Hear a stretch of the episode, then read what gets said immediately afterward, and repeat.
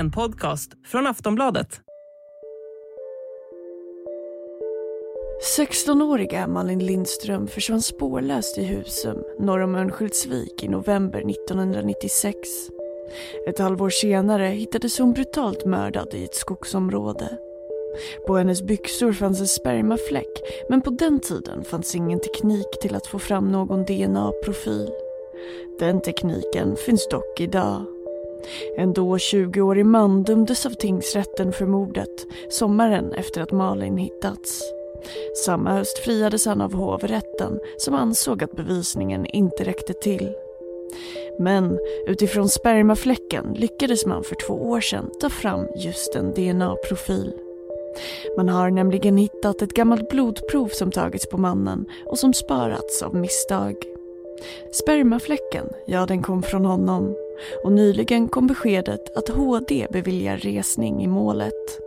Mannen, som nu är 44 år gammal, sitter häktad. Idag, den 30 juni, börjar rättegången i Sundsvall. Det var här på busshållplatsen på Läroverksgatan i centrala Örnsköldsvik som Malin sågs sista gången. Ja, hela fallet är förbryllande. Ja, idag har vi hittat Malin. Dagens avsnitt av Aftonbladet Daily handlar om det 25 år gamla mordfallet. Med mig för att bringa klarhet finns Anders Johansson, mångårig krimreporter på Aftonbladet. Mitt namn är Ronja de Bor. Kan du börja med att ta oss tillbaka till hösten 1996? Vad vet vi om vad som hände med Malin Lindström? Malin var alltså en 16-årig tjej som gick på vårdutbildningen. Hon skulle åka och hälsa på en eh, skolkamrat för att göra ett, eh, ja, en, någon form av grupparbete. Och det här var första gången hon skulle resa själv. Hon skulle åka med buss, eh, knappt någon timme. Och eh, man vet, hon kliver på den här bussen i Örnsköldsvik. Hon ska åka till Husum. Och eh, i Husum så väntar tjejkompisen och hennes mamma. Men när bussen kommer så är Malin inte med. Så de börjar undra vad, vad kan det vara som har hänt? Och eh, hon är då spårlöst borta.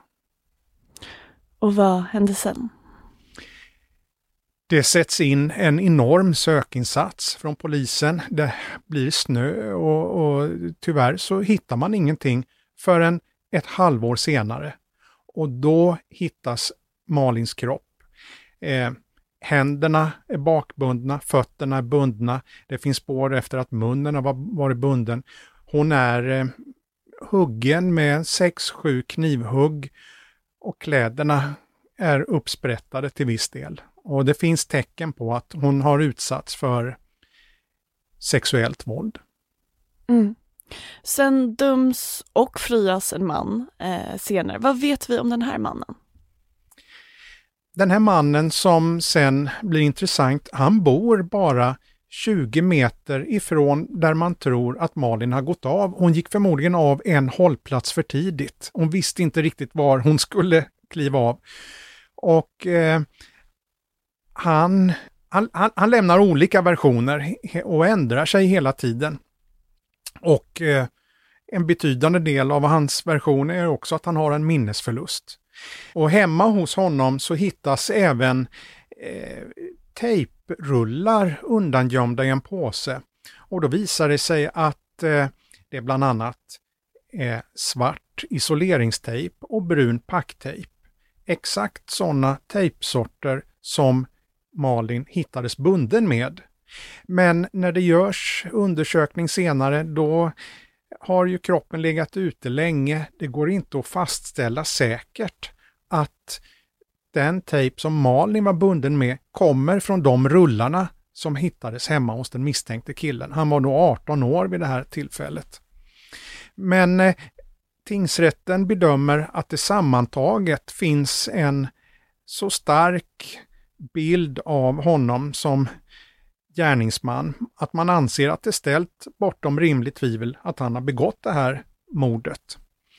Han döms, får åtta års fängelse, men han överklagar. Och hovrätten kommer till en annan bedömning.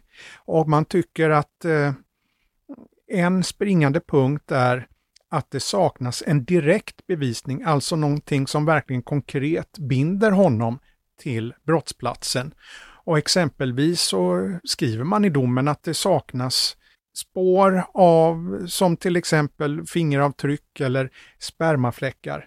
Men i själva verket så var det ju så, vet vi nu idag, 26 år senare, att det fanns en spermafläck. Det visste man visserligen då också, men då var antalet celler så väldigt få så att med dåtidens teknik så gick det inte att få fram någon riktig DNA-profil att jämföra med. Ja, hur kommer det sig att det här fallet tas upp nu igen 24 år senare? Fallet har ju legat på en cold case-grupp inom polisen och förra året så bestämde man sig för att plocka fram det här gamla provet igen och se om det gick att undersöka på nytt. Och då gick det faktiskt att få fram en DNA-profil att jämföra mot en misstänkt person. När man kör det här i DNA-registret får man ingen träff. Men man har ju haft en tidigare misstänkt som man då vill prova emot. Eh, men där finns inget nytt prov. Man vill testa honom, topsa honom för att få fram hans DNA-profil. Han nekar. För att, ja, vilket skäl han nu, han, han, han, vill inte vara med på topsning. Och det här fallet går vidare till Högsta domstolen som säger nej, han behöver inte topsas av integritetsskäl. Sån är lagen. Men eh, poliserna gick vidare och eh, när man undersöker de gamla dokumenten så ser man att eh, i utredningen så hade polisen vid ett tillfälle skickat de här gamla proverna till Uppsala universitet för att få hjälp med en undersökning. Och när man nu då förra året upptäckte att man hade skickat provet då en, en gång i tiden till Uppsala, så kontaktar man dem där igen och då visar det sig att det här gamla provet fanns sparat och kanske bortglömt eh, i Uppsala. Och eh, då jämför man den tidigare misstänktes DNA-profil med den nya DNA-profilen och det blir en match av det starkaste slaget. Och eh, med det som grund så fick åklagaren det här beviset som saknades enligt hovrätten då som friade honom för det här.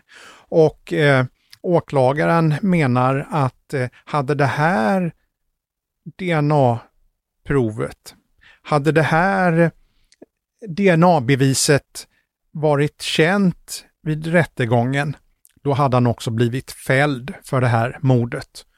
Och eh, åklagaren ansökte om resning och Högsta domstolen kom fram till samma bedömning. Alltså att hade det här DNA-beviset varit känt vid rättegången, då hade han också blivit fälld tillsammans med det övriga som man hade hittat.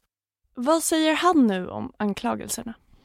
Det här har inte riktigt eh, varit känt, men enligt ett läkarintyg som jag har tagit del av, alltså en liten sinnesundersökning eller paragraf 7-intyg, så hävdar han att han har varit ute i skogen, onanerat vid den här platsen och att det kan vara en förklaring till att hans sperma har återfunnits på Malins kropp.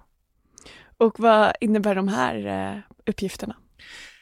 Ja, det här försvårar ju för åklagaren som ju måste bevisa att eh, den som har avlämnat spermafläcken på Malins kropp också är den person som har mördat Malin.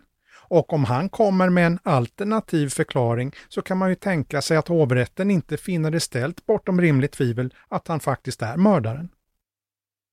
Aftonbladet Daily är snart tillbaka. Getting engaged is a moment worth cherishing. A one-of-a-kind ring that you design at Blue Nile can help your love sparkle. Just choose your diamond and setting. When you've found the one, you'll get it delivered right to your door. Finding the right engagement ring can be nerve-wracking. At Blue Nile, you'll have the expert guidance needed and a diamond guarantee that ensures you're getting the highest quality at the best price. Cherish all of life's moments and save up to 30% at BlueNile.com. That's BlueNile.com.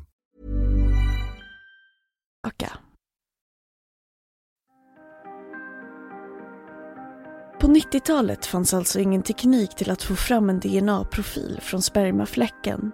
Men den tekniken finns idag. Hur fungerar den då egentligen? Vi hör Anders Johansson igen.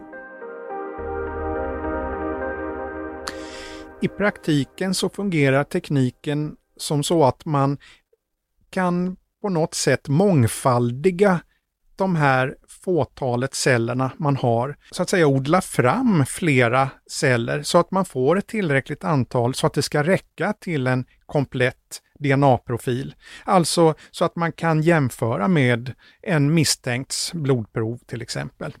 Och tidigare kunde man inte det?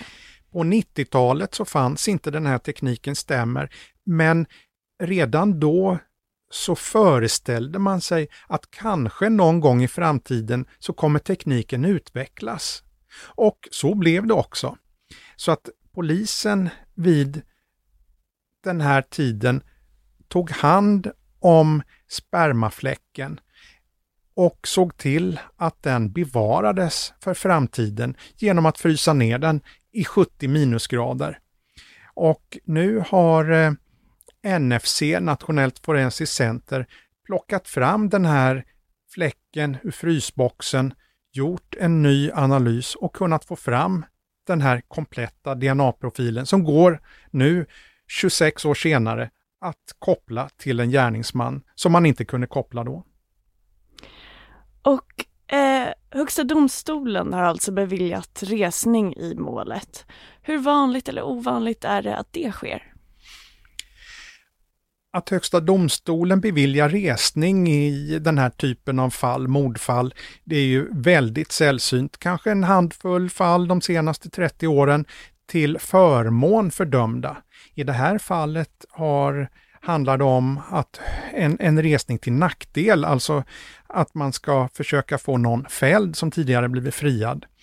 Och eh, det är kanske bara en, två fall de senaste tio åren. Du har tidigare talat med Malins pappa. Vad betyder det här för hennes anhöriga? Ja, det stämmer. Jag var och träffade föräldrarna i höstas och jag pratade med pappa Rune igår. Och de ser ju mycket fram emot den här dagen, att eh, äntligen kunna få ett avslut. De har ju väntat på att sanningen ska liksom sättas på pränt, att den misstänkte ska dömas så att de kun, ska kunna gå vidare i sina liv innan de lämnar det här jordelivet så att säga. De, de, det här, att få det här avslutet, det, det betyder allt för dem. Och vad kan vi vänta oss de kommande dagarna?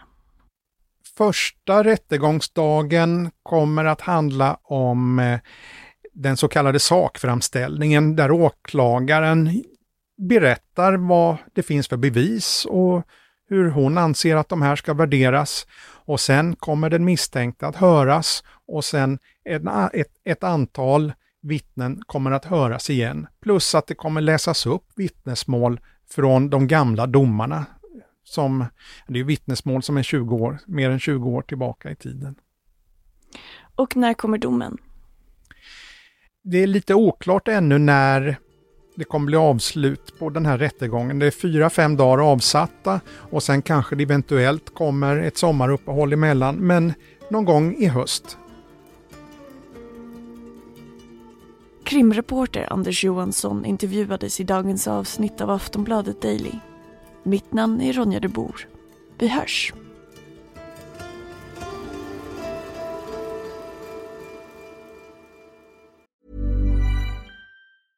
Ryan Reynolds here from Mint Mobile. With the price of just about everything going up during inflation, we thought we'd bring our prices down. So to help us, we brought in a reverse auctioneer, which is apparently a thing. Mint Mobile unlimited premium wireless. Ready to get 30, 30, bit to get 30, bit to get 20, 20, 20, bit to get 20, 20, bit to get 15, 15, 15, 15 just 15 bucks a month. So, Give it a try at mintmobile.com/switch. slash $45 up front for 3 months plus taxes and fees. Promo rate for new customers for limited time. Unlimited more than 40 gigabytes per month slows. Full terms at mintmobile.com. Du har lyssnat på en podcast från Aftonbladet. Ansvarig utgivare är Lena K Samuelsson. Tired of ads barging into your favorite news podcasts? Good news. Ad-free listening is available on Amazon Music for all the music plus top podcasts included with your Prime membership.